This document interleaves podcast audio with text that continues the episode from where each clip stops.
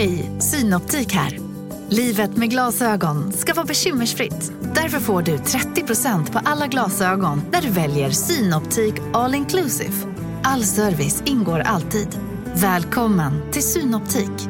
Redo för sportlovets bästa deal? Ta med familjen och njut av en Big Mac, McFeast eller Cooper Cheese och Company plus en valfri Happy Meal för bara 100 kronor. Happy Sportlovs deal, bara på McDonalds. Som medlem hos Circle K är livet längs vägen extra bra. Just nu får du som ansluter dig 50 öre rabatt per liter på de tre första tankningarna och halva priset på en valfri biltvätt. Och ju mer du tankar, desto bättre rabatter får du. Välkommen till Circle K.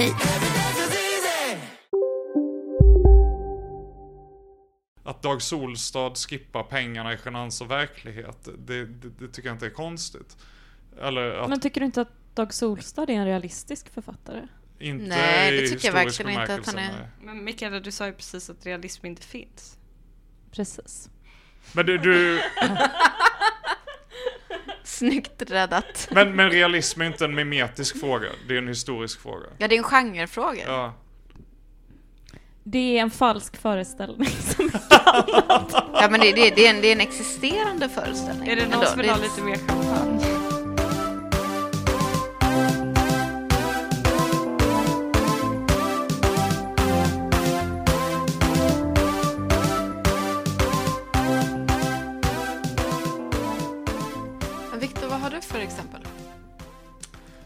Inte ett fullt lika intressant, men ett mer... eh, det, Du ska här, alltid sell yourself short till att det, det här är mer Spanarna i P1. nej. Eh, Nej, vänta nu. Du har kommit till fel podd. Har ni tänkt på en grej? Nej men på riktigt, har ni tänkt på det här? Eh, Ty, nej, jag, jag börjar med några frågor. Jag börjar Ja. med några frågor. Jag tror, jag tror vi har blivit omnämnda i en spaning i Spanarna, var det någon som sa till mig. Jaha. Mm. Spännande. Som gubbar var det någon som sa till mig. Jaha. Fast det var kanske i public service, i deras satirprogram. Eller så var det någon som menade public service så som Sveriges Radio är public service. Ja, det är nog det vanligare. menar de nog. vanligare. Jag skulle nämligen säga upp kontakter med någon som visar sig lyssna på satirprogrammet Public Service för det. Men jag så- tycker att ni är rätt gubbiga medan jag är väldigt såhär... Tjej. Ung, en ung tjej, En ung tjej. Väldigt levande. ledare för litteraturkritikens Hitlerjugend. Äppelkindad. Uh, väldigt äppelkindad, alltid på gott humör. Pursvensk. Sportig, frisk. Men skulle ni säga att pengar är en återkommande metafor i samtidsprosan? Jag har nog lite för dålig koll på samtidsprosa, men, men Vi säger att samtidsprosan är de senaste 35 åren. Jag skulle säga att den, den är återkommande, men nog inte så mycket som den borde vara. Ja, inte frånvarande, inte dominerande. Ja, jag instämmer med föregående talare. Skulle ni säga att Jane Austens romaner handlar om kärlek eller pengar? Om pengar, men det är också för att jag har läst eh, texten du ska tala om. Som är mycket övertygande. Jag har inte läst den, men jag skulle säga att de handlar om pengar till kanske 60... Eller nej, det går, jag skulle säga så här, att kärlek och pengar går inte att särskilja för att kärlek är en ideologi som produceras av materiella re- realiteter i Jane Det, Austen. det tror jag, ja, i Jane Austen. Ehm, Jag, alltså, jag tror att kärlek är mer än så. ehm, på, Du jag, tror ändå att föräldrar älskar sina barn till exempel? Det tror jag, det tror jag. Herregud vilka iskalla läsningar ni gör Men- Jane Austen. Det är ju bara en renodlad teoretiker som kan sitta och säga att det bara handlar om pengar. Ja, men eller? jag ställer, ställer lite spetsiga frågor som kräver ett ja eller nej här. men, Nej, men ingen Victor, säger att det bara handlar om pengar. eh, jag, jag blev väldigt arg när jag läste Jane Austens romaner i tonåren för att jag tyckte att eh, ehm, personerna det handlade om gjorde för förnuftiga beslut. Att det var liksom för förnuftsbaserat vilka de valde att gifta sig med och sådär. Nej, men eh, alltså anledningen till att jag ställer den här frågan, även om Lyra vägrar svara på den, är att jag, det var faktiskt tio år sedan nu, men jag tänker ganska regelbundet på den här texten av den kanadensiska litteraturkritikern Stephen Marsh, som faktiskt av någon anledning är en läsning av Thomas Piketty från början. Eh, för att han upptäcker, han kommer ju med det här kapital i, kapital i det eh, 20 århundradet. Någon gång i början på 10-talet som ju blev den här superhitten som alla läste, alla refererade till. Jag läste den aldrig. Eh, Inte särskilt noggrant i alla fall, utan bläddrade bara igenom den. men vad som är intressant med, dem, med den här Piketty-boken och som, som March tar upp är att den återkommande refererar till den realistiska prosan under 1800-talet lite som, som källor. Och, och där har en, en väldigt bra anledning. Lite som Eva Illouz skriver, alltså utgår från samma romaner. Ja. Typ när hon skriver om kärlek som... Precis, alltså, och, och det har ju flera anledningar men, men det finns en så fundamental insikt i den borgerliga romanen på 1800-talet och att det är som, som är något så demaskerande vid det tillfället. Det kanske inte är det idag, idag är det en självklarhet men det var, det var viktigt då. Det är att pengar styr världen. Det låter ju banalt att säga idag, även om folk fortfarande imponeras av att The Wire handlar om follow, follow the money. Men eh, det, det vill säga att i Jane Austens romaner får vi veta hur mycket, figuren, hur mycket figurerna tjänar. En väldigt relevant så här karaktäristik av en romanfigur är dess årsinkomst. Det finns hos Balzac också, det finns hos Flaubert, det finns hos Zola. George Eliot Det också. finns hos George Eliot, det finns hos alla de borgerliga romanförfattarna under 1800-talet. Och Henry när- James.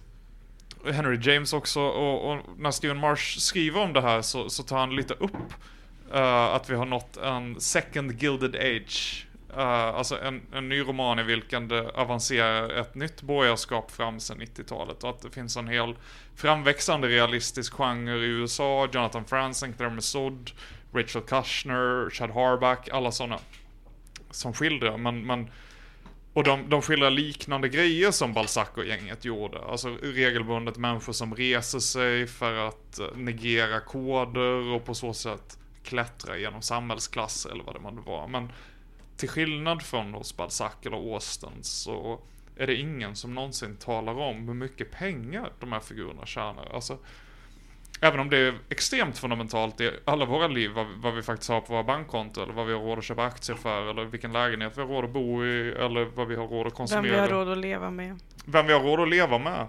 Så, så, så är, har siffrorna, lönekontot, sparkontot, eh, föräldrarnas inkomster, arvet, allt sånt som tidigare var extremt centralt i den realistiska romanen, blivit dolda. Jag skulle säga att det här är en empiriskt helt korrekt observation, för att jag skulle ju inte vara så optimistiska som ni var när jag frågade er och säga att pengar är relativt framträdande i samtidsromanen. Jag skulle säga att de är absolut frånvarande med ett enda undantag. Och det är Tone Schunnessons Dagarna, dagarna, dagarna. Där en pengasumma faktiskt spelar en helt central roll för hela, hela plotten. Men samtidigt, jag håller inte med för jag, jag förstår vad du menar med och det kan vara så att just summan, den mycket konkreta summan är den figurerar inte så ofta. Däremot pengar som Alltså jag, som sagt, jag, jag tycker nog med tanke på hur mycket det styr folks liv, eh, enligt min empiriska uppfattning i alla fall, så tycker jag att det hade kunnat figurera mycket mer. Men det finns ju, Eh, och jag läste nu, igår så läste jag Sara Villius senaste två romaner. Eh, som jag väl inte var helt eh, övertygad om av olika anledningar. Men där till exempel så är det, det handlar om ett par som i princip håller ihop för att de inte har råd att flytta. Och när de har råd att flytta ifrån varandra så är det väldigt, väldigt kämpigt. Och det är liksom uppenbart att livet villkoras, den här mediokra kärleksrelationen villkoras otroligt mycket av att man har inte pengar. Och det återkommer hela tiden liksom att man har inte pengar. Det, handlar om, det, det är liksom romaner om Stockholms bostadsmarknad. Och jag minns Malte Persson skrev väl en text i Expressen för några år sedan va, om pengarnas frånvaro i Nej, han skrev det i början av det här året. I början av det här året.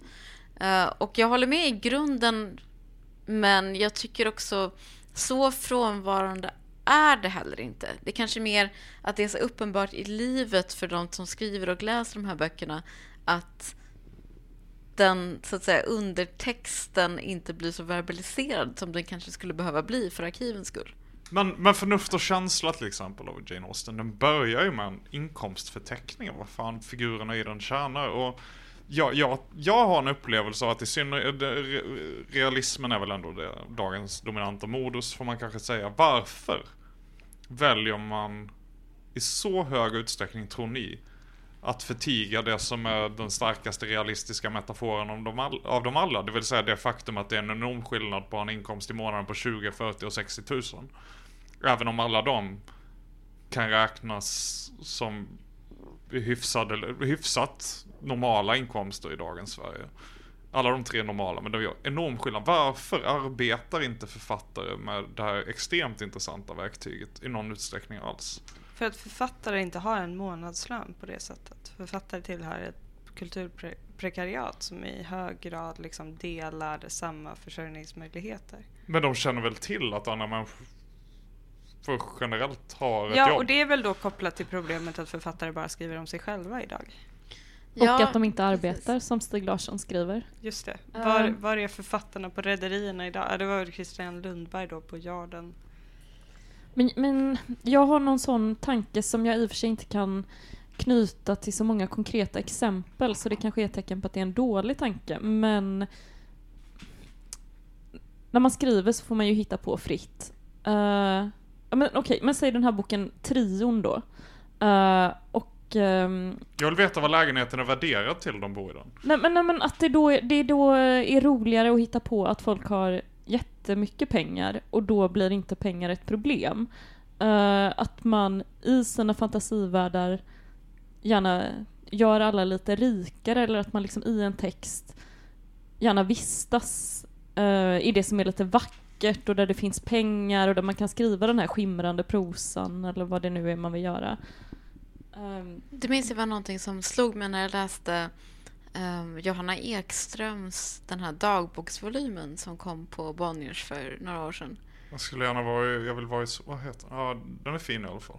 Ja, den är fin på, alltså den är väldigt, väldigt välskriven och fin på jättemånga sätt. Men, men eh, och jag gillade den på det stora hela. Men det är en bok som handlar om en ung människa med ett konstnärligt arbete som reser över hela världen och äter olika middagar och pengar nämns inte överhuvudtaget.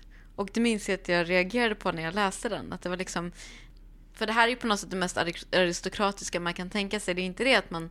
Det är inte det att pengar, man har inte mycket pengar. Utan pengar finns inte. Pengar är liksom inte en faktor som bestämmer ens tillvaro. Det är väl då man Men har det- mycket precis. pengar. Ja, men exakt, exakt. Men det är det jag menar. Det är då man har mycket pengar, men man säger inte att man har det, för man vet typ inte ens att man har mycket pengar. Det är så det är att vara människa, är att man har mycket pengar. Men, men jag, för jag, jag tycker fortfarande det, när, man, när det här saken påtalades av Stephen Marsh har jag aldrig kunnat sluta tänka på det. Egentligen borde det stirra en i ansiktet, så här, indoktrinerad som man ändå är av 1800-talsrealisternas sätt att skriva romaner. Man tycker att det här är de förebildliga mönstren för hur en roman ska skrivas. Eller? Jag tycker det. I stor utsträckning. Men ändå har vi liksom fimpat deras mest centrala metafor för, för vilka människorna är och varför de agerar som de gör i förhållande till varandra. För vi är fortfarande ganska överens om att pengar är otroligt viktigt. Eller hur? Men, fast är det det? Jag menar, hade man velat läsa de här böckerna? Jag tänker så här, men vad, vad tjänar K i processen? Är det intressant? nej, Alltså, det- nej det i, i fel. processen är det inte intressant. Men i vilken bok är det intressant då? Eller? Det måste ha ett realistiskt anslag. Eh, Processen är ju en modernistisk bok. Den gör inte anspråk på att skildra en, en persons moraliska öde i en specifik samhällssituation. Men jag Men vi- anser ju att realism inte finns. Ja, realism finns ju. Men Viktor, Det är ett uh, litterärt modus som uppstått historiskt och traderas, eller? det här är en jättespännande diskussion som vi måste spara. Men Viktor, kan du säga någon samtida svensk roman där du har saknat specifika inkomstuppgifter? Ja men äh, säg äh, Claes Östergrens senaste, Större trygghet aldrig fanns, som jag läste för några veckor sedan. Som, som handlar om en, en, en frånskild man som, som jobbar på någon form av konsumentverk som har, är satt att bedöma, han, har, han är en tråkig jävla byråkrat. Uh, varför får vi inte reda på hur mycket han tjänar och vad det har för konsekvenser för honom att skilja sig och hur mycket han måste betala till familjen han flyttar ifrån och har eh, det faktum att hans syrra som växte upp i någon konstig försäkringssekt eh, men aldrig har jobbat ordentligt kan, kan orsaken till att hon trillar in i ett främlingsfientligt parti vara delvis ekonomisk. Alltså det är som att det finns en materiell nivå i tillvaron som glöms bort i de här romanerna som vi i alla andra sammanhang ställer krav på att människor ska kunna använda när de gör analyser av samhällsproblem. Men då är det inte pengar som metafor du saknar, utan det är ju faktiskt pengar som konkret verklighet. Men Alltså, det är det Ja. han säger, eller? Att det är pengar som konkret verklighet som du saknar. Ja. Pengar som, eh, vad ska man säga, pe- pengar som den punkt som knuffar den i en viss riktning. inte Ja, bara- för att det, så, och det man ständigt går runt och tänker på. ja. ja, och så bara är det frånvarande i alla hittepåvärldarna. Det är i synnerhet de som är realistiska. Alltså jag menar verkligen inte att, att Dag Solstad skippar pengarna i genans och verklighet. Det, det, det tycker jag inte är konstigt. Eller att Men tycker du inte att Dag Solstad är en realistisk författare? inte Nej, det tycker jag verkligen inte att han är. nej. Men Mikaela, du sa ju precis att realism inte finns. Precis. Men du, du Snyggt räddat. men, men realism är inte en mimetisk fråga. Det är en historisk fråga. Ja, det är en genrefråga. Ja. Det är en falsk föreställning. Som Ja, men det, det, det, är en, det är en existerande föreställning. Är det någon ändå. som vill ha lite mer champagne? Vadå, Balzac skrev realistiskt? Det betyder inte att verkligen ser ut som Balzac skrev. Nej, exakt. Precis. Det, det handlar om ett sätt att återge, Ja. ett sätt att skriva litteratur. egentligen. nu är det reklampaus. Ja. Eh, Den oberoende podden Gästabud. Vi kan ju nämna att vi inte tjänar några pengar på Ja. att spela in Vi går podden. back. om, om de vill sponsra mig så tar jag gärna emot. Jag kan skriva dikter och allt möjligt. Eh, inga bra dikter, men ändå.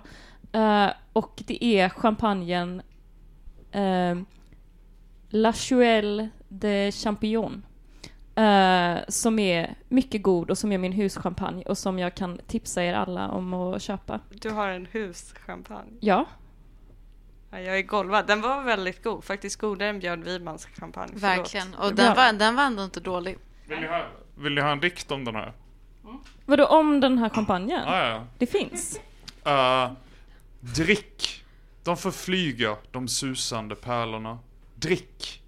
Skynda. Det ljuva, det ädla, det höga söker du fåfängt sen anden förgick. Dåren som fäste vid skummet sitt öga, vatten blott vatten på läpparna fick. Njut. De försvinna, de tjusande stunderna. Njut. Ytterst förfinade. Känslan och löjet reta och domna i samma minut. Snappa i flykten behaget och nöjet. Högste raketen i det han går ut. Snar är på jorden den rusande glädjen, ack snar. Fångad av ynglingens spända förhoppning, en ur en druva förädlad och rar. En från en mun, lik en ros i sin knoppning. Strax till sitt hem över molnen hon far. Är det Stagnelius eller Omar Khayyam? Eller? Eh, Det låter lite Stagnelius, men det är Frans Mikael Franzén, champagnevinet. Eh, Mycket vackert. Eh, ja, vi tar gärna emot spons, sponsring från... Jag tror inte Någon den här har någon copyright den här champagne. dikten om någon champagnetillverkare vill, vill göra den. Det är ju 1700-1800-tal. Jag tror inte att poesi säljer någonting längre. Men ska jag gå över till mitt exempel? Ja, För mitt var ju mer en rant. du kom, men nu kommer du få precis vad du frågar efter och som dessutom, detta är, jag vet inte om man uppskattade just den här boken, men apropå det vi talade om eh, alldeles i inledningen idag, eh, så vet jag att eh, Goebbels uppskattade den här författaren. Jaha, Eh, men gud. Oj, Vad- vadå? ja. Men det där är väl en ganska antinazistisk bok du sitter där? Eh, nazisterna är ju med i boken och de förlöjligas lite. Ja. Men... eh, Det är också judiska karaktärer som också förlöjligas Precis. lite. Ja, precis. Eh, Det är senare han blir lite antinazistisk. Den som av någon obegriplig anledning heter Ensam i Berlin på svenska. ja, men han... eh, Den författaren vi talar om är Hans eh, Fallada. eh, född som Rudolf Ditzen 1893. Och eh, förmodligen tror jag den enda författaren vi talar om idag som var dömd ekonomisk brottsling. Eller? Oj! Ja, rimligen. Alltså jag Men- skulle inte men svära intressant. på att Bret Easton Ellis inte var det. Men... men han är inte kron- dömd, eller? Alltså FBI hade ju en omfattande fil på honom i alla fall för Okej. alla möjliga eh, upptänkliga. Men det är snarare narkotikabrott tror jag. Än, eh, Han känns ju lite som en ekobrott. kille som inte öppnar fönsterkuvert, eller? Helt klart. Men Fallada satt eh, i två omgångar i fängelse för förskingring. Det kan man ju respektera. Ja, eh, när han var 18 så råkade han även mörda en vän. Eh, Råkade. ja, eh, det var någon självmordspakt, men Fallada dog inte, utan det var bara vännen som dog. Eh, men han... eh, Han mördade någon i en självmordspakt. ja, Okej. Som man gör. eh, ja men det blir, om man inte dör själv så blir det ju mord, måste man väl ändå säga, eller? Ja, ja, alltså jo. Eh, men han, han ansågs inte tillräknelig, så att han fick inget straff eh, för det här Hur då. gick självmordet till? De skulle skjuta varandra, tror jag. Okej, då är det ju mord, ja. Ja. Ja, men för då är det ju en duell. En helt vanlig duell. Det är klart att en hinner dö innan den andra. Ja, jag svär inte på att det är, det är sant. Jag researchade här eh, någon sen natt, så det kan... Du ska Eh. prata om en banger till bok i alla fall. Ja, jag ska tala om hur ska det gå för Pinnebergs från 1933.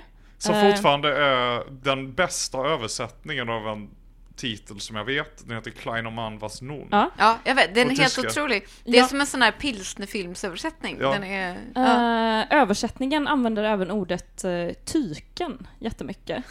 Eh, och då har jag i veckan så har jag skvallrat runt i Göteborg och fått höra att eh, det här beror på att uh, Emile de Blanc som översatte eh, då tyckte att ehm, ehm, för den är skriven på eh, Berliner Deutsch delvis och eh, hon är ju inte från Göteborg. Eh, Men då tyckte hon att hon kunde ta in lite göteborgska för att göteborgska är lika obegripligt och eh, kantigt och brötigt som eh, berlinertyska. Underbart. Ja. Eh, ja. Men jag måste fråga er, känner ni till Morrissey-kopplingen? Nej. Nej. Nej. Kleine Mann was nun. Det är då eh, andra spåret på skivan eh, Viva Hate som heter Little Man What Now. Ah, okej. Som jag tror handlar om Johnny Marr. Ja, Vi är Ehm, inte från Göteborg. Är det så den heter på engelska? Det lär det vara. Ja. Det borde det väl vara, Ja. tror jag. Ehm, och ja. Ehm, Men hur ska det gå för Pinnebergs är en mycket bättre titel vill jag bara säga. Absolut. Ja, jag började lyssna på den som ljudbok när du berättade att du skulle prata om den på en av mina många barnvagnspromenader. Och man går ju hela tiden då och undrar ständigt, hur ska det gå för Pinnebergs? ja. Precis, och jag, jag läste den här boken för eh, fem, ja, 14 år sedan kanske, när jag själv bodde i Berlin. Eh, och den här gången när jag läste den så fick jag bara sån ångest av att läsa den, för att det är på något sätt jag tycker att den påminner om böcker man läste när man var barn, om människor som är fattiga, typ Kulla-Gulla-serien. Eh, där de fattiga är liksom duktiga och så gör de allting rätt och så får de det bättre och bättre. Eh, men här är det då att det unga paret Pinneberg, eh, som är 22-23 år gamla, de, alltså de är liksom, de är inte helt värdelösa i det de gör, men de är Eh. De är noggranna men ineffektiva. Ja, och de vet inte riktigt vad de ska ta sig till och sådär. Alltså så som människor är och de får liksom för sig, fast när de är utfattiga så får mannen för sig att köpa ett jättedyrt toalettbord till kvinnan för sin första lön. Eh, och sådana saker. Så att man bara sitter och nej, nej, gör det inte, gör det inte. Hur ska det gå för Pinnebergs? Ja men och, och om det dessutom då är andra gången man läser den så vet man ju att det kommer bara, de kommer bara få det sämre och sämre. Det kan och man det ju blir bara ana redan värre första och värre. Ja. Eh, men den här boken är ju liksom den väldigt avskalad och väldigt konkret. Uh, så jag tänkte att jag ska läsa ett litet avsnitt här så man får en känsla. Uh, och kapitlet heter då Det görs en budget och köttet blir knappt. Pinneberg tycker att hans lämchen är konstig. Ja, och det handlar om ett ungt par. Mannen arbetar i herrkonfektion. Kvinnan kan inte arbeta för att hon är gravid. Weimar, Tyskland. Kan man lägga till. Ja. Gravid med Klimpen, som de kallar det De, blivande. de kallar barnet. barnet Klimpen. Det har varit en stor inflation i Tyskland på 20-talet så att människor är generellt otroligt fattiga. Det här är då samtidigt som Canetti umgås med Brecht på en krog i närheten, kan vi tillägga. Ja, men här är skillnaden då att de är inte fattiga poeter utan de är bara fattiga. Eh, och jag tror att det är det som gör boken så hemsk på något sätt. Lemchen sitter en sen mörk eftermiddag i sin lägenhet, har ett häfte framför sig och flera lösa blad, bläckpenna, blyertspenna, en linjal. Hon skriver och adderar, så suddar hon bort något, lägger, lägger så till något igen. Samtidigt suckar hon, skakar på huvudet, suckar på nytt, funderar. Det kan inte vara möjligt, och så fortsätter hon att räkna. Rummet är verkligen gemytligt med de låga bjälkarna i taket och de rödbruna varma mahognymöblerna. Ja, de har hittat ett svart boende bakom en biograf, eh, kan sägas då. Det är inte alls något modernt rum. Det stör absolut inte att det hänger en vers broderad med svarta och vita pärlor på väggen. Var trogen ända in i döden. Det hör hemma här alltsammans. Och även Lemchen hör hemma här i sin vida blå klänning med den lilla spetskragen runt halsen, med sitt mjuka ansikte och den raka näsan.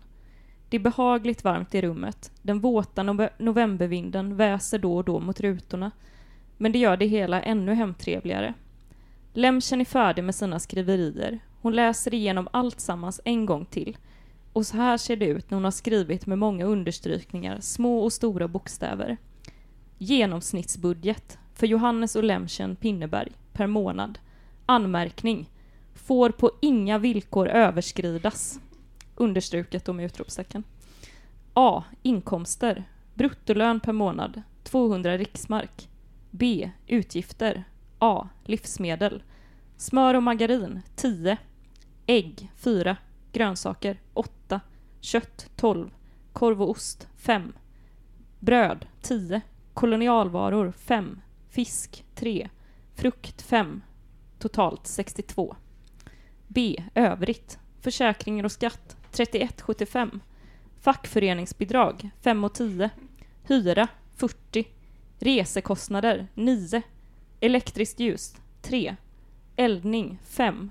Kläder och underkläder 10. Skodon 4. Tvätt, mangel och strykning 3. Rengöringsmedel 5. Cigaretter 3. Utekvällar 3. Blommor 1 och 15. Nyanskaffningar 8. Oförutsedda utgifter 3. Totalt 134. Summa utgifter 196 riksmark. Återstår summa 4 riksmark. Det där är så jävla bra och ska jag säga varför? För att det är sant. Ja, det är sant. Men detta är ju exakt vad du har suttit Ja, och ja, efterfrågat. det är sant. Jag Det är älskar sant. det. Ja, Uh, jag saknar det. det där, eftersom den, här romanen handlar ju om hur fattiga de är. Ja. Och hur fan ska de få ihop ett liv? Hur ska man kunna ha ett barn i hyperinflationen? ja. På tal om en klassiker som känns obehagligt aktuell i vår tid så ska man ju Verkligen. verkligen kunna... Jag tänker typ ett, så här, ett par i liksom Kina skulle kunna skriva Ja. om det här eller någonting. Alltså nå- något där den liksom flexibiliteten är mycket lägre.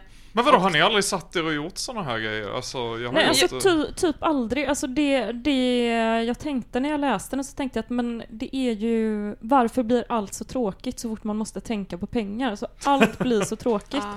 Eh, och då tänkte jag sen att men det är ju för att, och det är ju det som är alltså, den hemska ironin med att vara fattig, det är ju att att vara fattig är ju att reduceras till konsument för att man måste, man måste hela tiden tänka på vad man konsumerar och vad man har råd att konsumera och man har inte råd att konsumera någonting.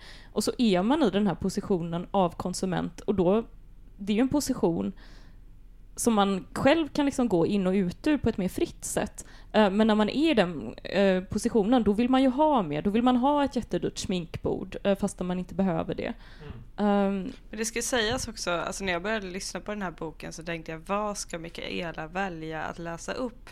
För att det här är inte en unik passage på något sätt utan sådana här budgetar görs ju upp flera gånger tidigare och de diskuterar exakta summor i nästan 30% av boken eller någonting. Det handlar ju bara jätte- jättemycket om vad allting kostar. Ja. Men jag tycker att det gör det på ett så fascinerande sätt också. Att han liksom lyckas fånga den här flytande känslan kring pengar. Att också när man försöker nagla fast exakt vad något kostar och göra upp en strikt budget så är det som att pengar bara flyter iväg, rinner iväg mellan fingrarna på något sätt. De lyckas ju sällan hålla den här budgeten om jag minns Ja rätt. men inte bara att man med bristande självdisciplin inte lyckas hålla den utan att saker och ting inte är så där bestämda som Precis. de ekonomiska kalkylerna låter Mm. påskina. Och det har också med inflationen att göra i den här boken också ju. Som jag minns det, att det är ju, priserna är ju också oförutsägbara. Alltså pengar är en konstant i ens liv, men pengar, pengarnas värde är inte en konstant, utan de befinner sig i den här perioden också i liksom en extrem förändring. Men och så är det också att Pinneberg arbetar som försäljare i en herrklädesbutik och då kommer det in en konsult skulle man väl säga idag som eh, ska gå runt och se hur de kan göra besparingar. Just det. Eh, och innan den här konsulten kommer så är han en jätteskicklig försäljare. Eh, men då så inför den här konsulten att de ska sälja för eh, en viss summa varje månad. Och det är en summa som han alltid har överstigit tidigare. Eh, Men då när han får det här kravet på sig, då kan han inte sälja längre för att han blir så desperat. För att när han ska sälja så tänker han bara på pengar. Eh, Och då blir han som en så klängig, otäck, desperat säljare. Är det inte så här att aristokrati handlar om frigörelse från materien? Jo, Att man inte ska behöva tänka på pengar. Alltså det, det handlar inte om att man ska ha mycket pengar, även om som sagt det är ju, förutsättningen är att man har tillräckligt mycket pengar. Men det handlar liksom om, om, om en känsla av en, en, en liksom levd, förverkligad intuitiv känsla av att den fysiska verkligheten är på något sätt smutsig och låg och äcklig. Och att livet inte handlar om det. Alltså de personer i mitt vuxna liv som har lärt mig att klara mig som kulturarbetare bäst.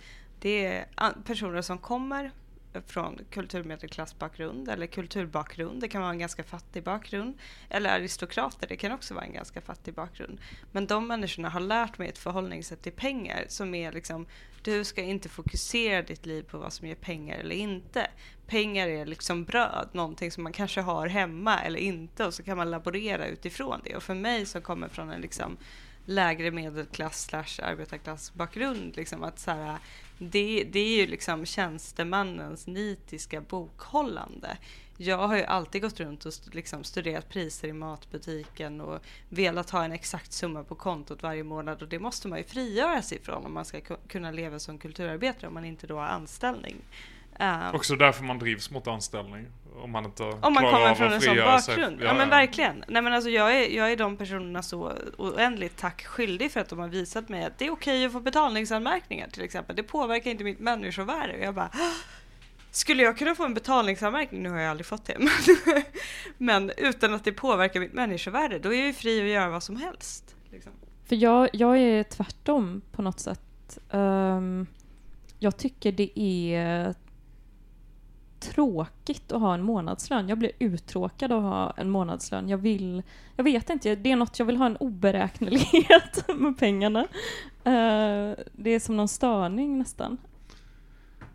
Men, men det briljanta med den här romanen tycker jag är... Alltså, och som, som också är... Den är försåtligt enkel. Det ser ut som en väldigt enkel berättelse om hur en familj bara ska få ihop sitt liv. Den är skriven väldigt enkelt, ja, den är snyggt som fan översatt av Emil Blanc tycker jag. Man... Det, det ser inte ut som en klassiker på något sätt. Det ser inte ut som ett 1900-talsmästerverk, utan det, det ser ut som en rak, realistisk berättelse om ett par i Weimar-Tyskland. En gång. Den är ju ganska tråkig ibland också. Ja, den är lite tråkig, men, men den, den gör inte bara det materiella till en tematik, utan det materiella till hela berättelsen. Och jag minns när jag, lä- jag, jag sket i att hänga med på en utflykt upp i en bergsby sist, jag läste den två gånger sist jag läste den. Jag satt i Nice på något jävla café och sträckläste den. Uh, och bara blev slagen av att jag sällan har läst någonting som känns så sociologiskt sant. Som den här boken. Att den lyckas liksom benämna någonting som nästan alla andra avseenden är tyst. Att även om jag i mitt liv idag eller de sista fem sex åren aldrig har suttit och gjort de här kalkylerna för att liksom hanka mig fram dag till dag eller bara överleva månaden eller fram till nästa lön. Så är det ju ett sätt att tänka som jag tror, åtminstone för mig, alltid. Och min familj när jag växte upp och liksom. Det var ett genomgripande. Det finns en sanning bakom som naturligtvis aldrig är så artikulerad som den blir när man spaltar upp en lista som, som min farmor och farfar gjorde. Men det liksom demaskerar verkligen ett sätt att förhålla sig till verkligheten som, som jag tror eh, fortsatt ungefär lika påtagligt som det var under den perioden. Alltså att vi förhåller oss faktiskt till verkligheten utifrån våra lönekonto på ett genomgripande sätt. Ja, gud ja. Och att inte... Att... Okej hörni, gänget! Vad är vårt motto? Nej, allt är inte alltid som du tror. Nu täcker vårt nät 99,3 procent av Sveriges befolkning baserat på röstteckning och folkbokföringsadress. Ta reda på mer på 3.se eller i din 3-butik. Hej, Susanne Axel här. När du gör som jag och listar dig på en av Krys vårdcentraler får du en fast läkarkontakt som kan din sjukdomshistoria. Du får träffa erfarna specialister, tillgång till lättakuten och så kan du chatta med vårdpersonalen. Så gör ditt viktigaste val idag, lista dig hos Kry. Big Mac har miljarder fans över hela världen. Under mer än 50 år har den skapat popkulturell historia. En legend med 100% nötkött och den mytomspunna såsen. Nu finns Big Mac för bara 39 kronor på McDonalds. Låta bli att göra de här listorna är ju en lyx. Ja, Och, och ja. det är också på något sätt en vanföreställning att arbetarklassen så att säga är de som inte har någon koll på pengar. För ofta är det ju människor med lite pengar som har absolut bäst koll på vad deras pengar går och liksom vad pengarna behövs till och vad de går till.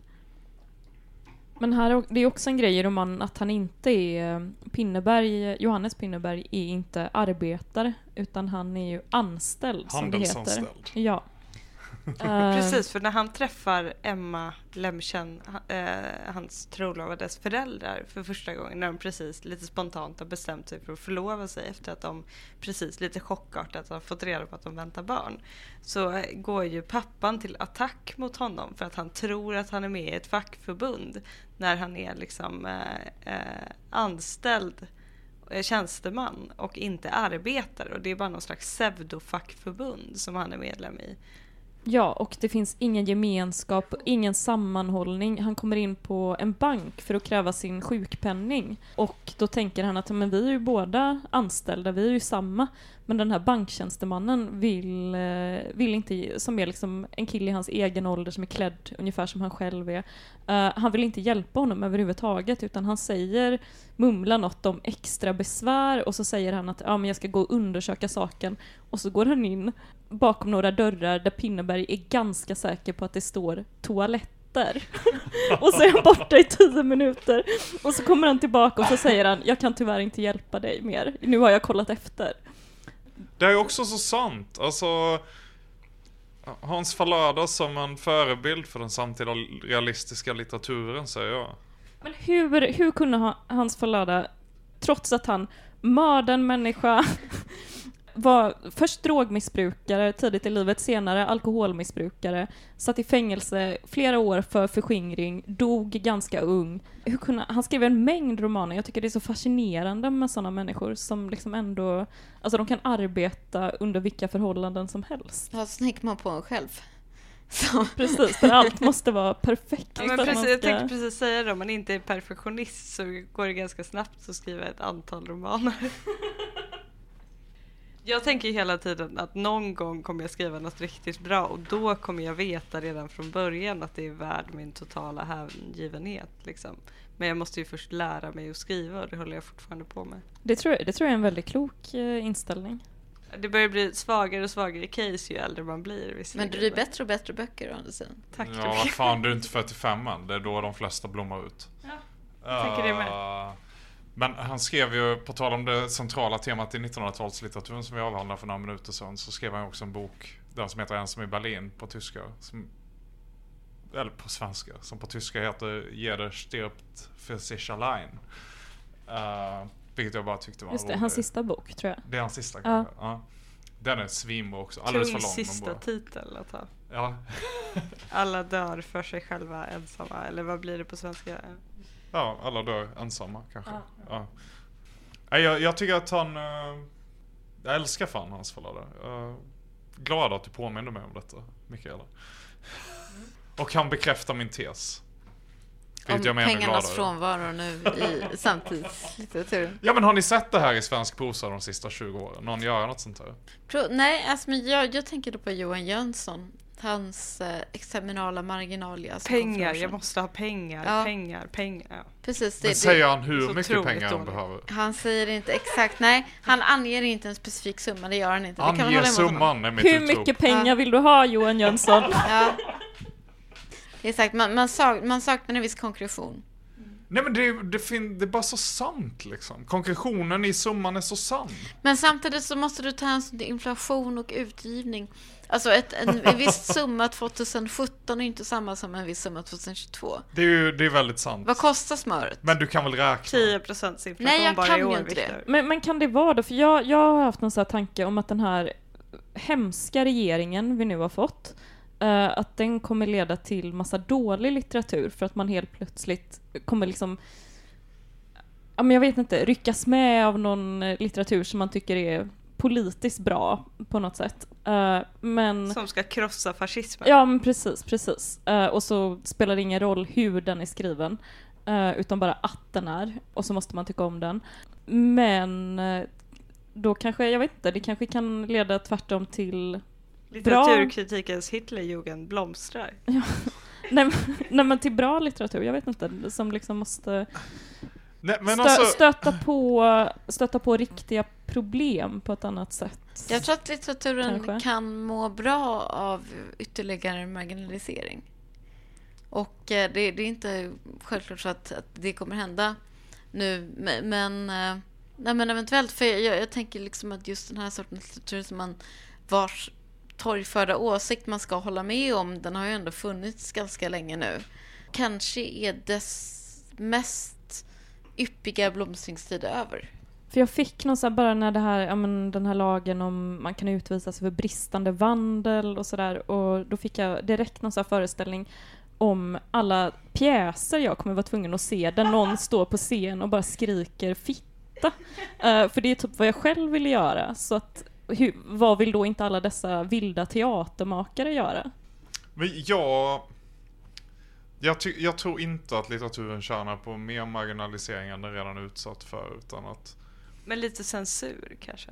Censur, censur har ju uppenbart varit superbra för den modernistiska romanen till exempel. Vad är Ulysses utan att vilja kränka en censurlagstiftning?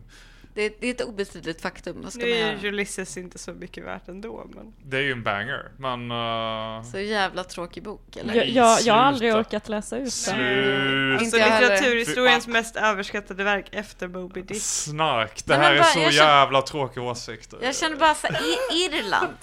Vad ska, alltså Irland, bort med det. Ah. Moby Dick är jättebra, Ulysses är jättebra. Vi lämnar det där. Men jag, jag, jag, jag har inget svar på Mikaelas fråga. Men jag, jag tror så här att efter snart 20 års biografisk dominans i litteraturen. Det var det. Jag brukar räkna den som från eh, Carina Rydberg och Stig Larsson till våra dagar ungefär. Så tror jag att något nytt väntar på att födas.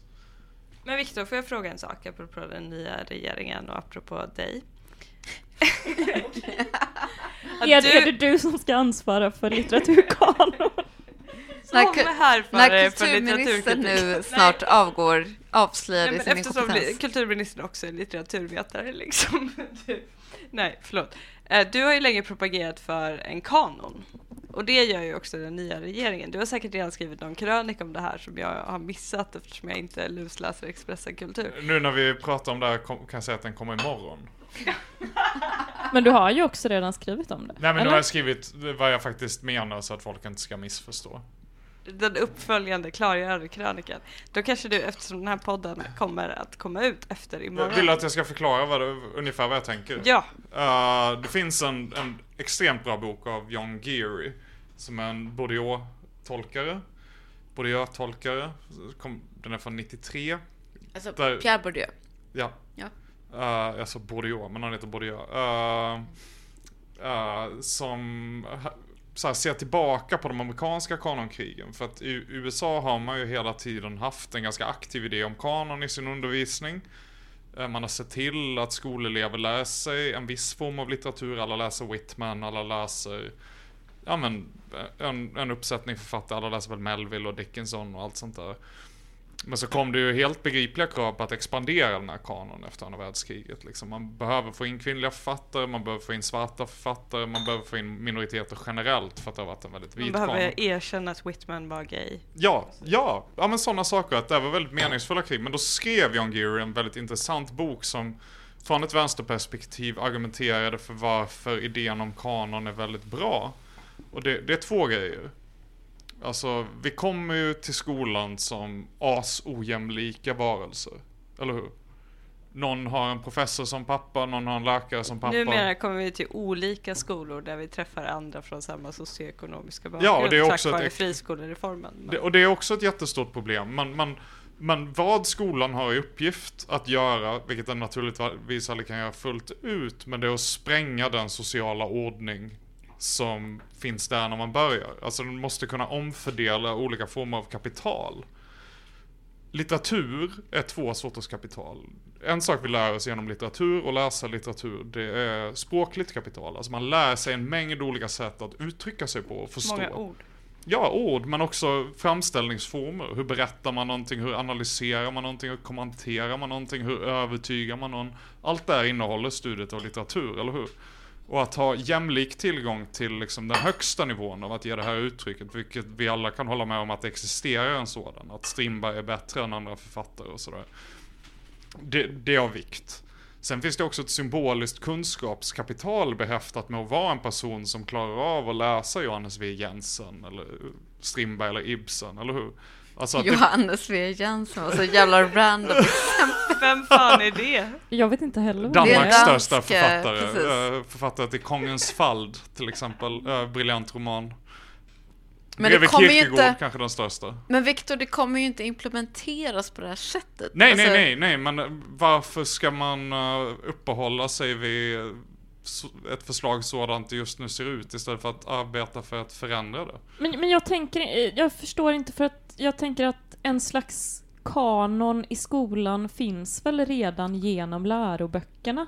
Så här, eh, just nu kan folk jag jag har folk som är jämngamla med mig som gick ut gymnasiet utan att ha läst den här romanen Jan Guillous Ondskan medan jag fick läsa Garcia Lorca, uh, Dostojevskij och Selma Lagerlöf. Det är ju min gymnasieklass som bara fick läsa onsdag. Ja, jag menar det. Och det här, det här- och så länge man har det så har man ju instiftat en ojämlikhet på undervisningsnivå som är fruktansvärd Men jag, Oacceptabel jag, jag hade en bra svensklärare och jag gick också på liksom, ett bra gymnasium i Göteborg. Ja. Ja. Hvitfeldtska gymnasiet som liksom är så här anrikt och... Men det är ju hemskt att man ska kunna ha det så att vissa elever har en svensk lärare som ser till att de läser Dostojevskij men den andra har en lärare som bara så här, ja, men läs Ondskan då. Men kommer kanon verkligen påverka detta? Nej, däremot en kanonreglerad litteraturundervisning, att detta skrivs in av Skolverket i hur man lär ut litteratur. Det skulle det kunna göra för att, att upprätta en nationell kanon är meningslöst. Kanon finns ju redan. Ja. Eller hur? Men Kanon- man skulle, kunna, man skulle kunna hitta ett sätt att beskriva det faktum att kanon existerar och hur man ska lära ut detta och Men dessutom då, är det- då tilldela är det ju resurser verkligen en för att göra skolpolitisk fråga i sådana fall och inte en... eh, Det är framförallt en skolpolitisk fråga. Men att reglera läroplanen ännu mer i detalj, är det verkligen vad Sverige behöver? Den har ju faktiskt inte så mycket ämneskunskapsinnehåll i dagsläget, utan den har färdighetsinnehåll. Och jag skulle kanske kunna tänka att ämneskunskapsinnehåll är mer värdefullt i vissa grejer eftersom färdigheter i många fall föds ur det ämne man studerar. Eller? Bra svar, jag ser en blivande kulturminister i dig. Nej, men jag, håller, med- jag håller med på så vis att jag tror att litteraturundervisningen är för... Jag kan mycket väl tänka mig att det är för mycket fokus på elevernas feeling. Det finns saker som är värda att känna till. Dels av liksom allmänbildningsskäl, men också för att en del saker helt enkelt är bättre. Men man måste ju ta hänsyn till, eller liksom om, om jag minns det själv var så här tror jag att det är för många så sånt som man liksom upplevde att man blev påtvingad i skolan för att det helt enkelt skulle in i läroplanen. Det fastnade inte i vilket fall som helst. Nej, alltså, Marjorie jag tror att har man Perloff, känner du till Marjorie Perloff, Ja, ja. poesikritikern? Hon har skrivit Ja. en briljant essä om det här. Att anled- hon tvingades på Pound.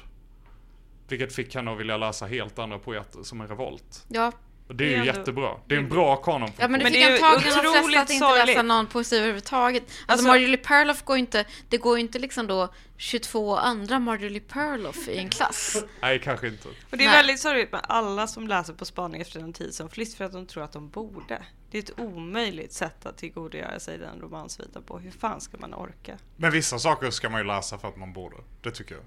Ja men du utgår nu från en person som är, alltså de flesta arbetar inte med kulturellt kapital på det sättet. Eh, de, de, det har liksom inte ens så stor betydelse och jag tror på något sätt, eller jag, jag vet inte för jag tänker ju naturligtvis att, att människor blir eh, man lär sig väldigt mycket, man expanderar både liksom sitt intellekt och sin själ om man nu kan tudela de två genom att läsa avancerad litteratur. Det är därför jag gör det och det är därför ni gör det. Men litteratur är också en konstform i decline. Och då är frågan hur mycket ska man Jag tror liksom... aldrig man kan tvinga alla att göra det här. Däremot Men tycker jag att alla de bör ens- ges lika möjlighet att få det till godo. Ja men Alla. är de ens Ja, ja, det tycker jag också. Men vad betyder det? Alltså ja, ärligt talat, Är efter att ha tillbringat en betydande del av det här året i olika tvillingmammagrupper på Facebook och då interagerat med den allmänna populasen i en utsträckning som jag kanske inte har gjort på tio år tidigare. Alltså människor Det var kan det ju mest inte elitista skriva. du någonsin har sagt. Men kanske också bland det mest sanna. Nej men, man, Nej men alltså på riktigt, alltså folk kan inte skriva och Nej, då, men då undrar man, ju. kan alltså, folk läsa? Nej. Skrivkunnigheten sjunker. men vet du vad Alltså, deras så är det. möjligheter har varit? Alltså, jag, jag, jag antar att de är hyfsat jämngamla med dig. Ja, give or take sju år. Ja. Borde, båda har. Plus och minus. Och jag menar, då har vi faktiskt gått i en skola där alla inte har haft samma möjligheter att lära sig samma saker. Möjligen är det så att en del av dem, ifall de hade fått, inte nödvändigtvis prost, men säg någonting åldersanpassat på högstadiet i händerna som gjorde att de blev intresserade av att läsa litteratur så hade deras liv tagit en annan bana. Men jag Tror Jag det, det handlar ju inte om medfödd intelligens, alltså naturligtvis inte, utan det handlar ju liksom om Alltså vi går väl mot ett samhälle med minskad läskunnighet och Ja, frågan är hur, hur stor är liksom den politiska makten att kunna stoppa detta? Det är, Jag- klart, jag- det är klart att det i viss mån handlar om medfödd intelligens, tänker jag, vad man kommer att intressera sig för och inte. Eh, för jag, jag tänker också att det, jag tror felet du gör, Viktor, enligt vad jag tänker då, eh, det är att du förutsätter att alla är som du och om de bara fick chansen så skulle de bli som du.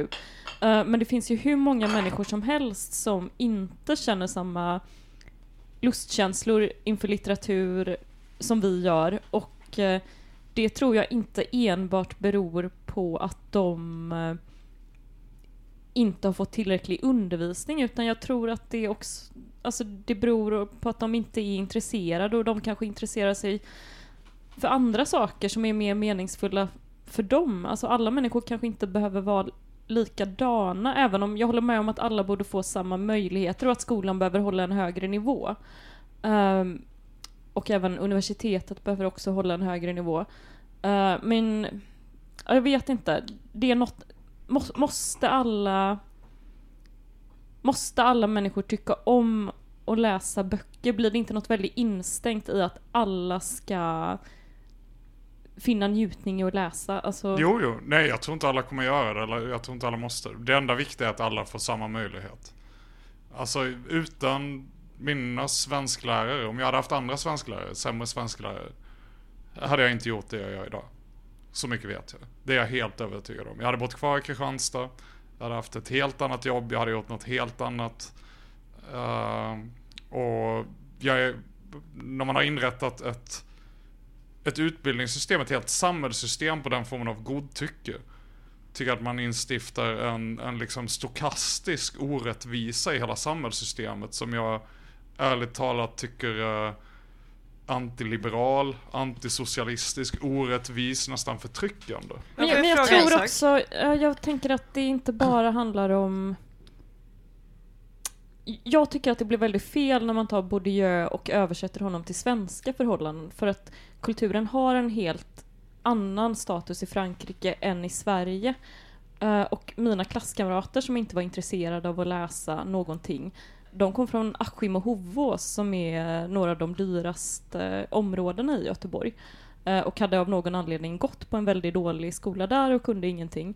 Eh, till skillnad från mig då som liksom kom från ett mer renodlat medelklassområde där många lärare ville undervisa för att de bodde själva i området för att de var lärare och medelklass. Medan ingen lärare bor i Askim så då får man pendla ut till Askim så då vill ingen undervisa där. Alltså, Jag trodde det hette Askim. Va? Hur, Askim. hur stavas det? Just det, det, det har varit en ljudbokskontrovers om att någon läste in det som Askim. Det hade jag gjort. Det stavas så va? Ach, ja, ja, men Askim Ja, heter Askim. du. Askim. Göteborg är så djupt sjuka människor. Men Viktor, om du hade fått en lista på en litterär kanon av en totalt oengagerad svensklärare, tror du att du hade varit där du är idag då? Vi, det har jag ingen aning om. Jag, och jag tänker också att så här, idén om vem som ska inkluderas och vem som inte ska inkluderas i kanon är helt irrelevant. För du tänker att kanon, alltså det måste ligga i... Gunnar. Hansson har skrivit en bra essä om kanonbegreppet här tycker jag. Där, där han argumenterar liksom för att det, det måste naturligtvis vara flyktigt och expansivt. Alltså att han, han argumenterar för liksom att man ska ha eh, det ska finnas en form av kanon för att det ska finnas ett gemensamt historiskt kulturellt minne. Men kanon kan vara precis hur stor som helst. Kanon ska liksom inte begränsa sig till att säga att den och den och den manliga vita författaren var top- toppen. Utan kanon ska hela tiden vidgas. För jag tycker Gunnar Nirstedt, jag var nära på att kalla honom Gunnar D. Nirstedt, eh, skrev, han, jag, han skrev en jättebra text i DN igår tror jag, om kanon, och där han menar att det, frågan är felställd för att det handlar om att höja kulturens status eh, på bred front. Att kultur måste vara värt något. Om kulturen inte är värt något, om man bara introducerar en kanon så...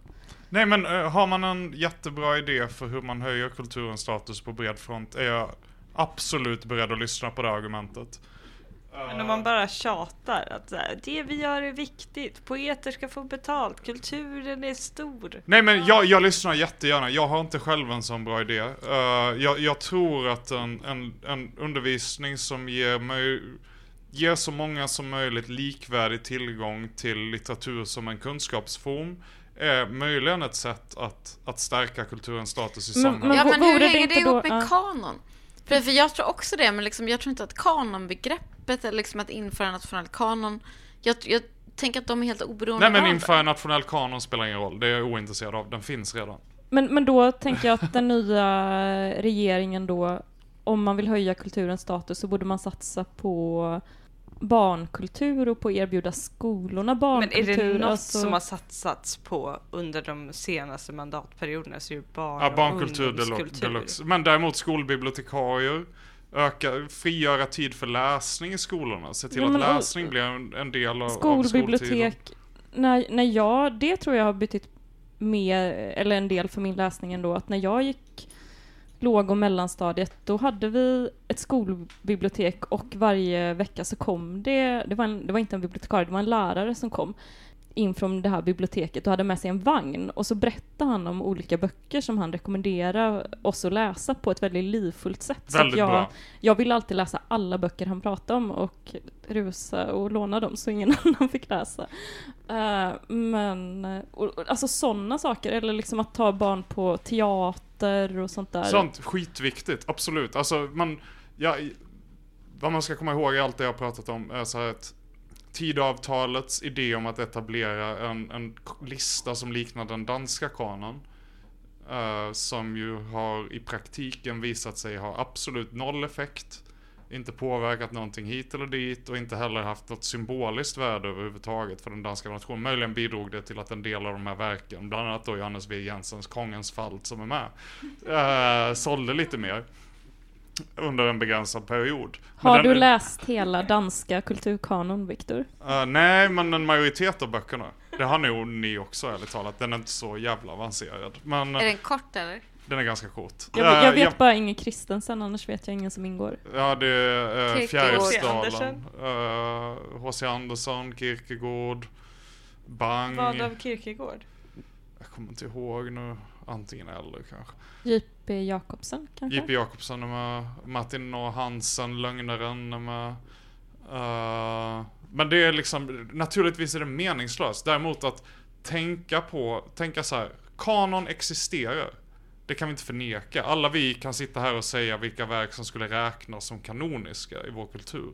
Det vill säga verk som oberoende av våra individuella åsikter har en historisk kulturell betydelse. Jag skulle säga att det existerar flera olika kanon. Jo, alltså, om, man, absolut. om man tänker på Bret Easton Ellis American Psycho så skulle vissa säga att det på vissa sätt är ett kanoniserat verk. Absolut. Men det är ju inte alls ett kanoniserat verk på samma sätt som Stagnelius. Nej, men samtiden och historien är två olika grejer där. Så är det ju. Och kanon är enorm. Men jag, jag ser det här möjligt, att de ens sätter upp det på agendan. Gör att man kan börja prata meningsfullt om en del grejer som hade varit progressiva. Nej men grejen är så här, de sätter ju upp det för att de inte är kulturintresserade. De sätter ju upp det på agendan för att kulturen för dem är någon form av totem som kan liksom reduceras till någonting konkret som kan användas för att stärka det här abstrakta som är liksom svenskhet. De, de liksom vill ju ha en kanon med Strindberg och Lagerlöf och så vidare för att kunna Ja, exkludera andra. Ja, jag menar, eh, det, jag, kommer aldrig glömma där när eh, Ebba Busch Thor intervjuas i vad det nu är, Agenda. Aktuellt, aktuellt. hon är frånskild kvinna, vänligen respekterad. Den frånskilda kvinnan, Hon inte kunde svara på vem Busch. som hade skrivit att Gösta Berling, uh, gentleman eller giftas. Exakt. Med, apropå pengar, skulder till Kronofogden för att hon har köpt smink från eh, Bianca eh, In, Ingrossos företag Kaja Cosmetics. Otroligt. Hon har blåst Esbjörn och kunnat gett Kaja Cosmetics. Får nog stryka blåst Esbjörn, det kan du inte säga. Och hon vet Säger inte vem som... Ja. Eh, Du är bara gäst Viktor, du är inte ansvarig utgivare. Nej, Nej, jag men jag det. påpekar, jag kommer med rättsnören här. Men, ja, men nej, men, men jag, jag, jag menar, så här, jag tycker generellt att kulturdebatten är väldigt bra på att protestera och säga nej till förslag man inte gillar. Däremot extremt dålig på att vända förslag man inte gillar och hitta det progressiva innehållet och driva på dem istället. Alltså, det jag, det jag drömmer om mest just nu är folk som klarar av att tänka och, och fundera på progressiva förslag för en annan framtid. Och de måste man ju hitta i det reellt existerande, inte i sina egna fantasier. Jag tycker att det här kanonförslaget har ett, inte ett innehåll någonstans som jag sympatiserar med. Däremot väcker själva ordet möjligheten att driva en helt annan sorts politik än den som just nu görs. Den tycker jag man ska ta. balanserar Lyra en kork på sitt huvud och jag tror att detta är ett tecken En på att Det är bara jag som är pigg här. Nej men jag har en fråga till. Jag är ganska berusad, det är andra gången sen Jag är förälder som jag dricker mer än två glas vin. Men Victor, du har ju druckit jättemycket. Nej, det har jag inte. Men Viktor har en förmåga att hålla mycket under västen. Eh, jo, Nobelpriset, för eller emot?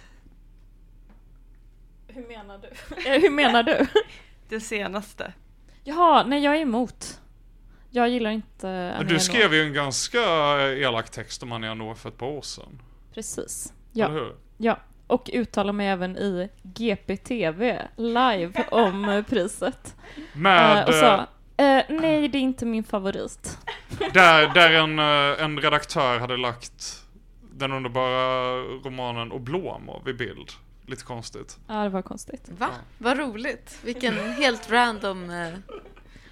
Nej, Jag har inte läst ännu för att jag har fått för mig att det inte är min grej. Eh, så jag är liksom emot men utan att kunna argumentera för det överhuvudtaget. Jag tror jag ger det 3 av 5. Alltså fransk eh, dussinförfattare. Ger du henne 3 av 5 eller ger du Nobelpriset till henne 3 av 5? Nobelpriset 3 av 5. Det är väl okej. Så Uh, då måste du ändå ge henne 4,5 av 5 eller något sånt. nej, nej, nej, nej, nej, nej, nej, vi måste vara väldigt försiktiga. Det finns väldigt få Nobelpristagare som är fyror. Herregud. Uh, vi måste vara, så länge vi pratar, siffror är absoluta betyg och då måste man börja bli väldigt försiktig med hur man delar ut dem. Jag håller med. Du, har- du har fått så strikta och bestämda åsikter sen du blev chef. Vadå? Fast Shakespeare är- en femma? Det här Det här är en långt innan. långtgående konflikt i gästabudet. Att ni två tjejer som sitter där i kökssoffan är ju emot betyg i recensioner och jag och Viktor på den här kökssidan av köksbordet, vi är för. Försiktigt för, men Shakespeare är en femma. Det kommer inte komma ut så många för. femmor. Det, det är liksom, det är svårt. Nej men jag, jag gillade Åren till exempel. Den tyckte jag var fet. Ja, jag, jag tycker den är så tråkig. Eh, den handlar ju bara om vad som händer på TV. Ja, Jag, jag uppskattade det greppet, att liksom berätta sig själv genom omvärlden. Det var, men Kristina hatade den också, hon slutade läsa efter 60 sidor. Så att, Bra Kristina. Vad var Nobelprismotiveringen? Vilken, vilket verk har hon framförallt fått priset för? Går det att säga? Det behöver man inte. Det, behöver det är inte väl bara Thomas. Mann där det är explicit Ja, omnämnt är att han får det för Buddenbrooks. Precis, men i övrigt så brukar det inte vara något särskilt verk utan det brukar vara formulerandet av bla bla bla. De är Ja. sällan, alltså man måste säga någonting om Nobelprisformuleringarna. De nådde ju en absolut botten med det här Moyen-formuleringen. Som jag inte, tyvärr inte kommer ihåg just nu. Men Jo, googla eh, något med svindlande... Eller? hypnotisk realism eller kan du kolla det? Lyra? Jag kollar det. Men sen så är det så, jag och Mikaela har ju försökt skriva såna här och det är inte lätt. Det är- Alltså det är en svår genre. Nej, jag förstår verkligen att det är svårt. Det är otroligt svårt. Man har suttit i ett år och läst allt av en författare och diskuterat den här författaren med en rad andra människor och så ska man skriva en mening om den här författaren. Nej, nej, jag förstår att det är ett helvete. Det är plågsamt. De, men jag, jag säger kanske att de borde vara så här. Priset går till Anna Janå, hon är jävligt grym. För att det är ungefär vad de säger, fast med snirkligare formuleringar. Smart och snygg. Ja. Mo Jan tilldelas Nobelpriset i litteratur 2012 med motiveringen att han citat med hallucinatorisk skärpa förenar Ja. saga, historia och samtid. Slutcitat. Det är fan Ehm, inte bra. Kan vi är få inte- höra uh, Annie Ernaux också? Hallu, hallucinatorisk skärpa, saga, historia och samtid. Det, plötsligt har man sagt ingenting, eller? Ja, det är liksom olika exkluderande begrepp som Ja. staplas på varandra. Men har ni läst Mojan? Ja, mycket. Men jag tycker ändå, alltså det, det fångar ju något hos honom ändå tycker jag. Ja, kanske. Om man är generös mot det och inte tolkar det helt bokstavligt, ja. NO har fått Nobelpriset i litteratur citat för det mod och den kliniska skärpa varmed hon avtäcker det personliga minnets rötter, främlingskap och kollektiva ramar. Det jag tyckte tycker jag. det är ganska bra. Det var rätt precis Alltså, det- faktiskt. absolut. Ja. Men fast jag undrar, vad menar man med mod? Och vad fan menar man med skärpa? Jag har tänkt länge på metaforen kring, kring eh, clarity, klarhet inom filosofiska diskurser. Att John det har- Geary skriver just nu en bok om detta faktiskt. Är det sant? Ja, Ja, han jag pratade om innan. Ja. För att det, det har kommit att ersätta det forna sanningsbegreppet i mångt och mycket. Det har blivit otrendigt att prata om sanning i filosofiska sammanhang. Frågan är, var fan ska man prata om sanning då? Kanske med Viktor Malm, kulturchef för Expressen. Ja, jag tycker man ska Men- prata om sanning. Ja, Jag, jag, jag, tycker det ofta det. Men, men vad fan betyder klarhet då? Alltså varför är det ett så mycket mer användbart begrepp än sanning? Och varför är skärpa som Nobelpriskommittén använder verkar det som om alla från Mojan till Annie eh, Varför är det ett så Det, har ju lägre, det, det är för att det har lägre metafysiska anspråk för att komma med ett enkelt Men då svar. blir Men den metafysiken genast anspråk? skitstark. Precis. Om man börjar föreställa sig att de är låga. Det är bara för att det är vagt som det har lägre metafysiska anspråk. Mm. Jag tror att du har rätt. Det menar att jag försöker komma med liksom en förklaring till varför det skulle älskar kunna... när du förklarar samtidigt för mig Rebecka. Ja, jag ska berätta för dig Lyra om hur det är nu Men det här mod, är det för att hon skriver självutlämnande som man menar att det det är modigt? det tror jag. alltså. Ja, det, det vänder jag mig Men- men- men starkt det- emot. Alltså det kan väl vara mycket I modigare. senaste boken beskriver hon tror ju... inte på sårbarhet. Senaste boken handlar ju ändå om en ganska ingående skildring av en abort till exempel. Ja, men är det modigt eller är det modigare att skriva processen? Alltså, inte det modigare den- den- att... eh, Jag håller med dig, det är modigare att skriva processen. Men jag förstår ab- absolut varför man använder ordet mod för att beskriva en bok om abort. Det är begripligt. Ja, men jag tycker, det, jag tycker det är sentimentalt att säga att det är mod. Alltså det är sentimentalt. Då är det så här, du har berättat din gripande livshistoria för mig. Du är så modig. Alltså det är sentimentalt. Ja. Ja, mod har blivit ett nytt begrepp för sentimentalitet. Ja, och apropå absolut. det så Ska var detta avsnitt 16 av Gästabud, för nu vill jag prata om en svindålig bok som jag har läst. Konfidentiellt Ja, utanför konfidentiellt. inspelningens ramar. vad roligt det var att spela in igen. Hoppas ni har tyckt att det har varit roligt att Även- lyssna på oss igen. Jättetrevligt att få verkligen vara gäst. Tack Ja, Viktor Malm för att du har gästat oss. Och vilken gästfrihet, så att du har bjudit oss på mat. Ja. Otroligt. Ska Inte alla berätta- gäster som har gjort det. Det var någon väggfärs som har kokat med vin eh, och så pasta till det. Och Parmesan. kryddor, Goda kryddor. Kryddat, jät- mustigt, jättegott. Men Rebeckas Ehm. ostar måste vi också Ja. ge särskilt S- Säg vad det är för ostar. Det är två stycken schweiziska eh, semilagrade hårdostar som heter Rotteufel och eh, Kellenhocke. Väldigt Mycket goda. goda. Röd Ja. djävul. Ja. Röd jävel och eh, källarsittare. Det var allt för gästabudet tror jag. Tack för att ni lyssnar. Hej då. Vi hörs snart. Hej då. vi sannoliken.